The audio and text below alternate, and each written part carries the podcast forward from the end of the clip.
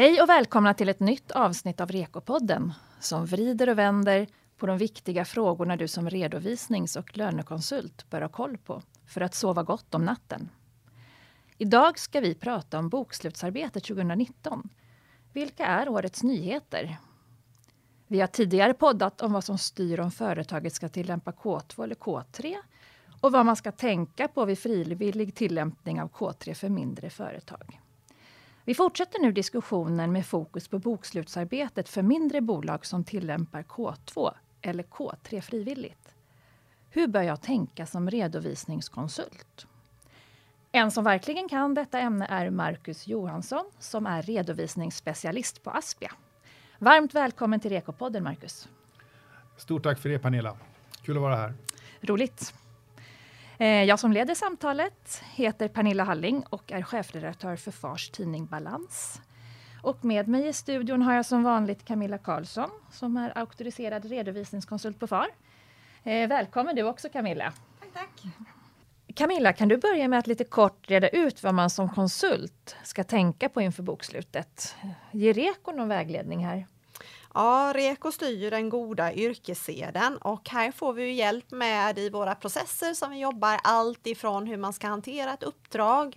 Jag tänker bland annat på uppdragsavtal, planeringen och utförande. Här finns ju en tydlig struktur hur man ska jobba i sitt bokslutsarbete. Mm. Så håll koll på Reko. Ja. ja. Och så Marcus, till den stora frågan. Finns det några nyheter inför bokslutet 2019? Ja, som konsult hade jag ju gärna svarat ja på den frågan, men jag måste ju medge att det är väldigt, väldigt få nyheter inför det här bokslutet. Eh, om vi tittar på de nyheterna som finns i K2 eh, så är det egentligen bara av redaktionella slag till följd av att vi har fått en ny lag om ekonomiska föreningar och en ny lag om företagsnamn. Det är det som gäller K2 kan man säga kort och gott. Och i K3 så har vi också bara en redaktionell justering på grund av den här nya lagen om ekonomiska föreningar. Så att det är verkligen eh, små petitesser skulle jag säga. Mm. Um, värderingsfrågor är ju alltid aktuella vid balansdagen. Hur bör jag som konsult tänka här? Ja, det finns lite olika värderingsfrågor beroende på vilken balanspost man pratar om. Men om man tar en vanlig post som jag ofta får frågor på så är det varulager. Mm. Eh, och eh, varulager är ju en omsättningstillgång eh, och ska då värderas såklart enligt lägsta värdesprincip. Det vill säga till det lägsta av anskaffningsvärde och nettoförsäljningsvärdet. På samma tema när det gäller varulager så pratar vi också om att man värderar varulager post för post. Det vill säga varje vara för sig. Det är huvudregeln. Så finns det egentligen två undantag där man får tillämpa för homogena varugrupper säger man att man får tillämpa kollektiv värdering. Eh, och så säger man att ytterligare undantag det är om den individuella värderingen inte skulle kunna motiveras av kostnadsskäl. Det är egentligen de två undantagen från post för postvärdering. Mm. Um, en sak som man kan ta upp också är väl möjligtvis eh, skatteregeln då i, i, i K2 eh, skatteregeln, det vill säga hur att man får värdera lagret till 97% av det sammanlagda anskaffningsvärdet. Eh, och det gäller för de flesta varor, men eh, bland annat inte för fastigheter eller aktier. Eh, jag tänker också på värdering, varulager, inkuranstrappan har vi ju där också. Jag tycker kan vara värt att nämna. Absolut, tack Camilla för att du påminner mig om det, för det är en fråga som jag i många fall får att man inte tror att man får tillämpa inkaranstrappor, men, men det får man ju fortfarande tillämpa. Eh, men det bygger på att, att säga, den här schablonen som man använder då eh, ungefär stämmer överens med det värde man skulle fått om man hade gjort en, en post till postvärdering.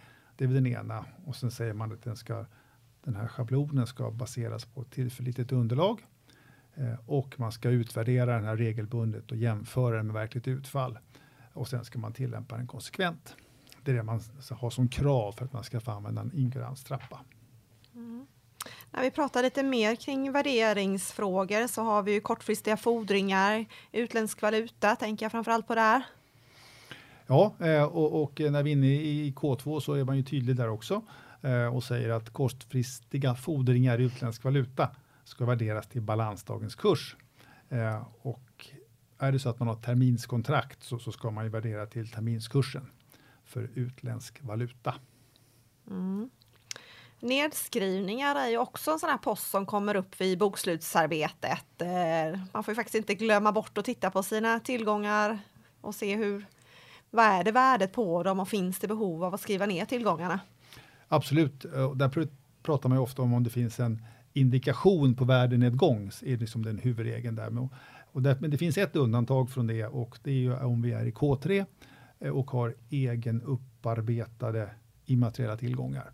Då ska man pröva nedskrivningsbehovet även eh, om det inte finns indikation. Och det gäller då om man har immateriella tillgångar, eller egen upparbetade immateriella tillgångar som inte är färdigställda. Då ska man ändå göra en nedskrivningsprövning. Mm. Jag tänkte på en sak, eh, K3 och eh, tillgång som vi har där, uppskjuten skattefordran. Eh, diskuterade jag med någon häromdagen. Den är ju lite lurig. Ja, den ska ju värderas eh, varje år.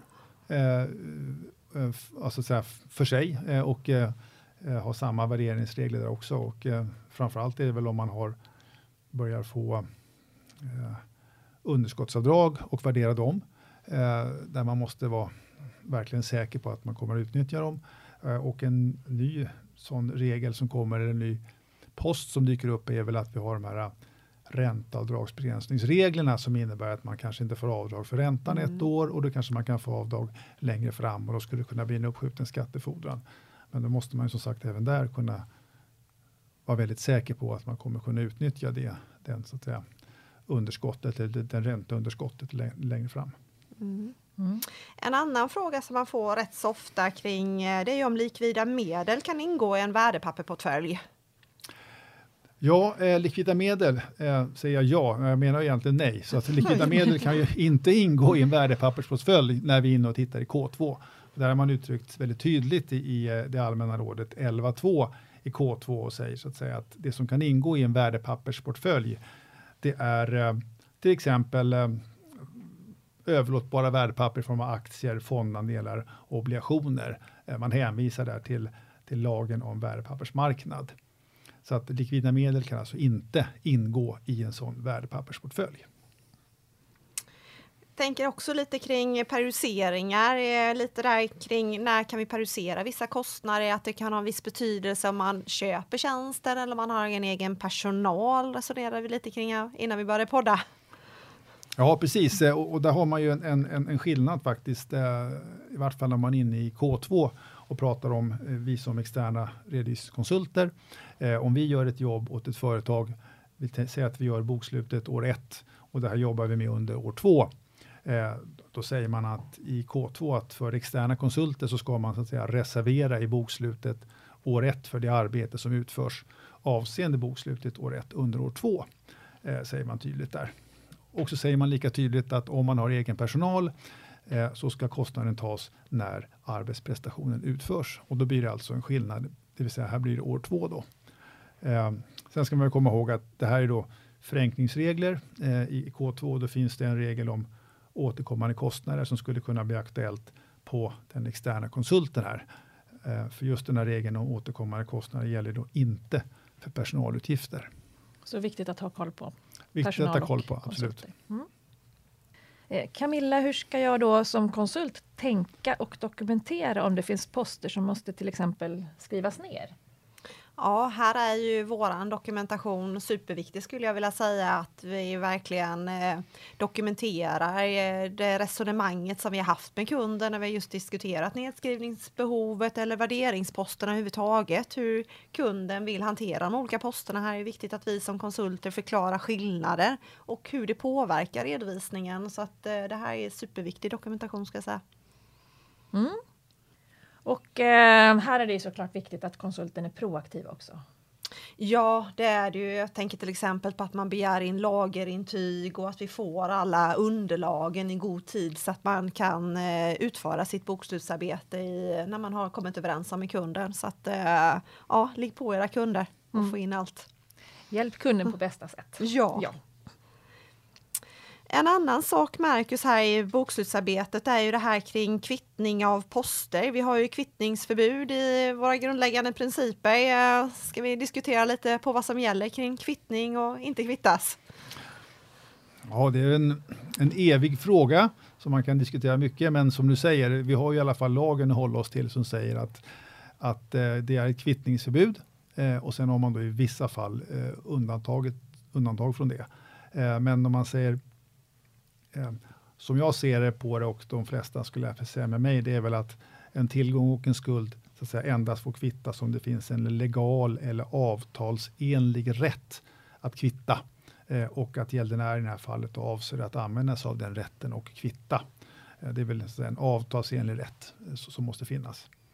Ehm, tittar man sen i, i K2 eh, så finns det ett undantag från kvittningsförbudet Eh, och det är undantaget gäller kvittning av fakturerat belopp mot nedlagda kostnader vid värdering av uppdrag till fast pris.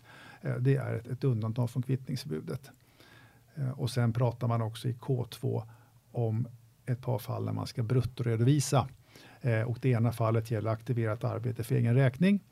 Och det andra fallet, då pratar man om förändringar i, i lager, alltså PIA, färdigvaror eller pågående arbete för annans räkning.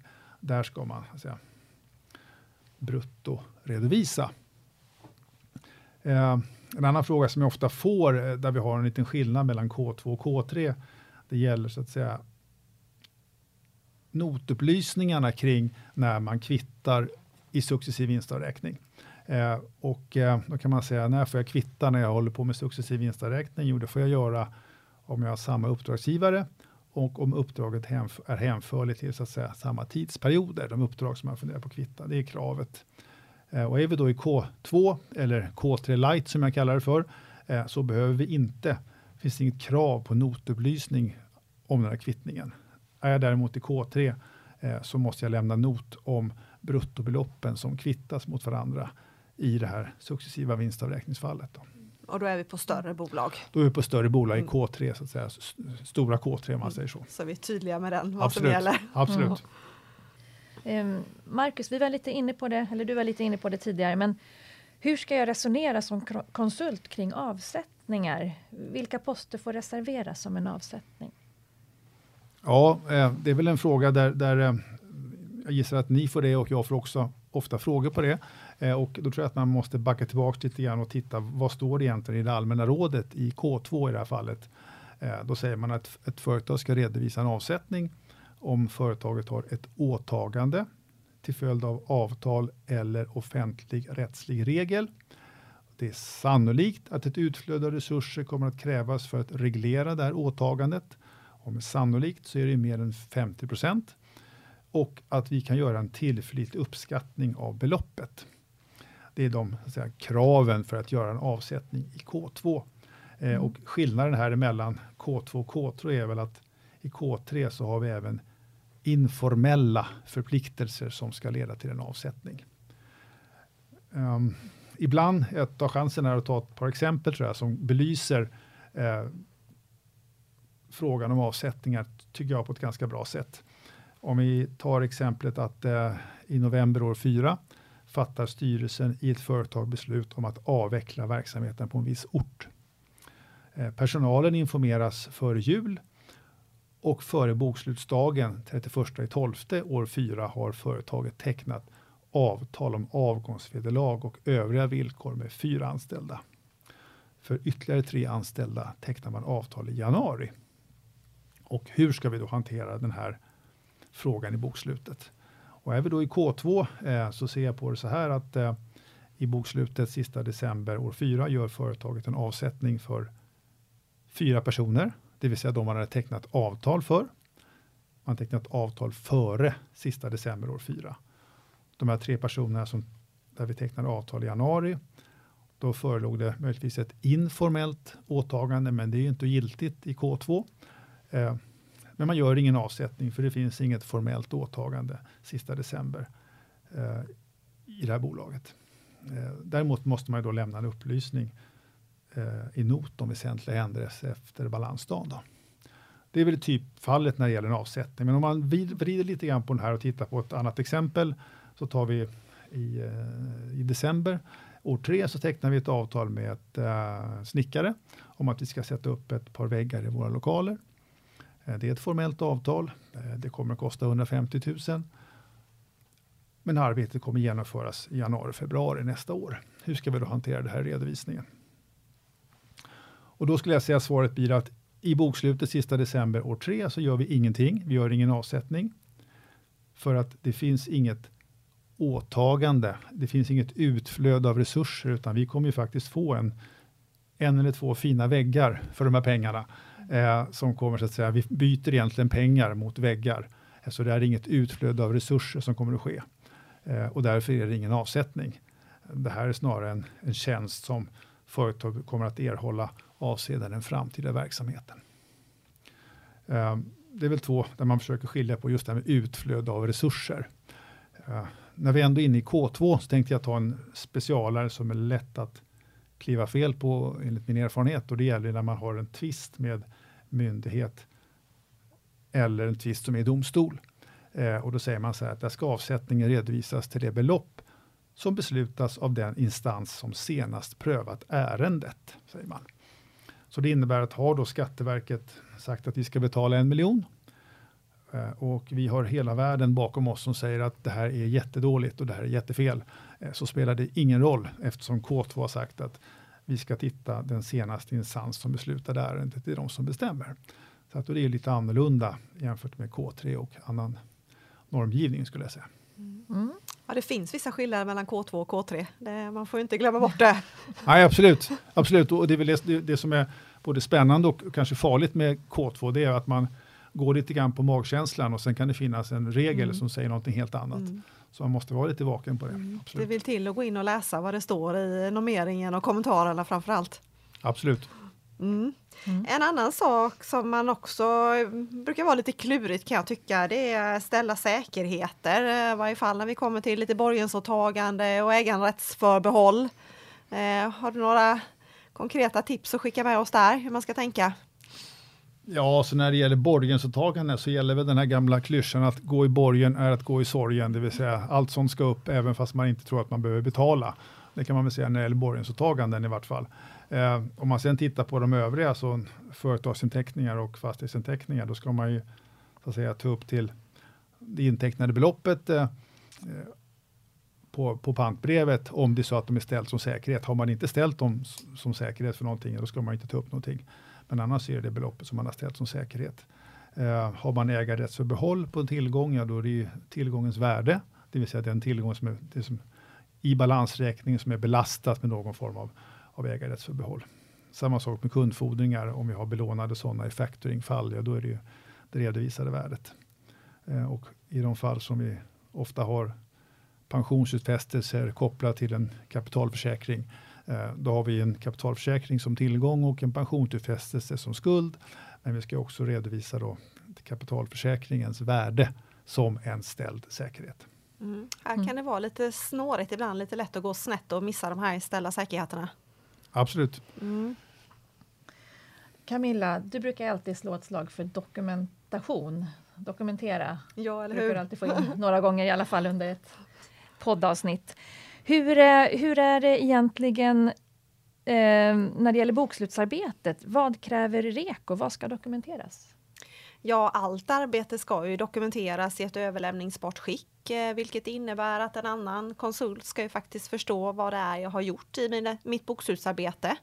Eh, här tycker jag man kan fördel använda checklister som dokumentation och det är ju faktiskt eh, byråns riktlinjer och rutiner som eh, bestämmer egentligen hur vi ska dokumentera vårt utförda arbete. Så där ska man ju hämta stöd i, i de dokumenten. Men eh, det är viktigt att någon annan förstår det jag har gjort. Mm. Och framförallt det här när vi pratar om värderingsposter, det här är superviktigt att verkligen dokumentera det här så vi har koll på det. Så vi vi kan gå tillbaks till det här nästa år också. Ja, och om man behöver ta över arbetet från någon annan konsult så ska det vara lätt att Ja, framförallt det också. Så det, är, det är viktigt med dokumentation. Mm. Då fick du det sagt ja, igen. känner mig nöjd. Ja, bra. um, lite avslutningsvis då Marcus, finns det några andra nyheter som är på gång inom Bokföringsnämnden? Ja, Bokföringsnämnden ligger mig lite varmt om hjärtat eftersom jag har haft förmånen att jobba där. Eh, och jag tycker de har varit väldigt aktiva här senaste tiden. Eh, och ett sätt att veta vad som händer är att man kan prenumerera på deras nyhetsbrev, Det kan jag rekommendera. Eh, under hösten så hade vi en remiss om fusioner eh, som gick ut, eh, svarstiden gick väl ut för ungefär en månad sedan drygt. Eh, och vad jag förstår så har man fått in väldigt många synpunkter. Eh, så att vi får se vad som händer här under, tanken är att det ska komma någonting under 2020. Eh, och eh, jag hoppas att man hinner eh, få ihop någonting då, för det finns ju väldigt många olika uppfattningar på marknaden, om man säger så, hur man hanterar fusioner och framförallt en sak som diskuteras mycket är ju fusion av mellanliggande holding, där man eh, beroende på vem man frågar och de stora revisionsbyråerna kan få väldigt olika svar på hur man ska hantera sådana fusioner. Så att det ska bli skönt att få en vägledning där så att vi gör ungefär lika. Det mm. känns väl bra. Eh, övrigt kan man säga att frågor och svar har utökats eh, väldigt mycket tycker jag under året. Man har gått in med det här med Swish-betalningar eh, och det står ganska mycket om det, men man kan väl sammanfatta här och säga att en Swish-betalning är att jämföra med en betalning med kontokort. Man har gjort 13 filmer om bokföring och man har också lämnat ett brevsvar om byte från K3 till K2 vad gäller komponentuppdelning och avskrivningar. Eh, och där skriver man bland annat att en, en bostadsrättsförening som tillämpat K3 som första K-regelverk får byta till K2 utan att det krävs något särskilt tillstånd. Och det känns för rimligt för det, man får byta en gång utan en gång ingen gång. Eh, mm. Och sen säger man där också att en materiell anläggningstillgång som enligt K3 delats upp i komponenter redovisas till komponenternas sammanlagda bokförda värde vid övergången till K2. Eh, så att de har förtydliggjort det kan man säga. Mm. Och de här filmerna du pratade om, de, de finns på Bokföringsnämndens hemsida? På Bokföringsnämndens hemsida mm. om man vill gå in och titta där. Så att det kan jag rekommendera om man vill mm. lära sig lite grann om bokföring. Ja. Ska vi nämna lite kort om den här HF-domen som har kommit om fönstren där med, där man Skatteverket hade en annan uppfattning mot högsta instansen? Ja, precis. Tack för att du påminner mig om det, eh, Camilla det var ju som så att eh, vi vet att man kommer att ändra K2, eller man måste ändra K2 för att i K2 så hade man ett exempel eh, när man pratade om värdehöjande förbättringar eh, som då är, ska aktiveras och då stod det som ett exempel i K2 att det var ett företag som bytte från två glas till tre glasfönster eh, och då skulle man så att säga aktivera det tredje glaset för det anses vara en värdehöjande förbättring. Eh, och precis det fallet är ju det som HFD-domen handlar om eh, där man säger då att en en förbättring som är en följd av den allmänna tekniska utvecklingen på området inte utgör en sådan standardförbättring eh, för vilka årliga värdeminskningsavdrag ska göras utan istället omfattas av direktavdrag för reparationer, säger man där. Så att då kan vi utgå från att man måste gå in och ändra lite i, i K2 här under nästa år för att man ska överensstämma med domen. Då. Mm. Mm. Och det där kan ju få en rätt så stor påverkan på redovisningen ju. Ja absolut eh, och, och, det är väl skönt att man har eh, slagit fast det här nu, för det har varit mycket funderingar kring sådana frågor. Det är det mm. verkligen. Jag, jag, kan ju inte välja på att ta två glas, det finns ju nästan inte, utan det är ju tre glas som gäller. Och, så mm. så, och det kommer väl komma igen i allt möjligt annat nu, får vi se mm. vad som händer på det området. Då. Men mm. just när vi är inne i, i, i, K2 kan man väl bara påminna sig om att det är liksom det är ju avsett och lämpligt för mindre företag med enkla förhållanden. Det säger ju Bokföringsnämnden i sin inledning till K2.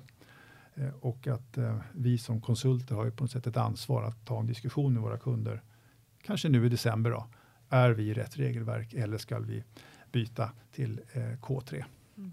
Den är bra att ta så att vi, är, så att vi som konsulter tar ansvar för den frågan och hjälper våra kunder med det. Mm. Är det någonting mer Marcus som du vill passa på att säga här till alla lyssnare av Rekopodden? Nej, jag vill passa på i så fall eh, tacka för att vi kom hit. Jag mm. hoppas att ni har haft en, en, trevlig stund och önskar er god jul och gott nytt eh, redovisningsår 2020. Mm. Tack så mycket Marcus för att du kom hit. Tackar, tackar. Och tack så mycket Camilla också. Tack, tack. Och eh, lycka till med bokslutet 2019, alla ni som lyssnar. Tack så mycket. Hej!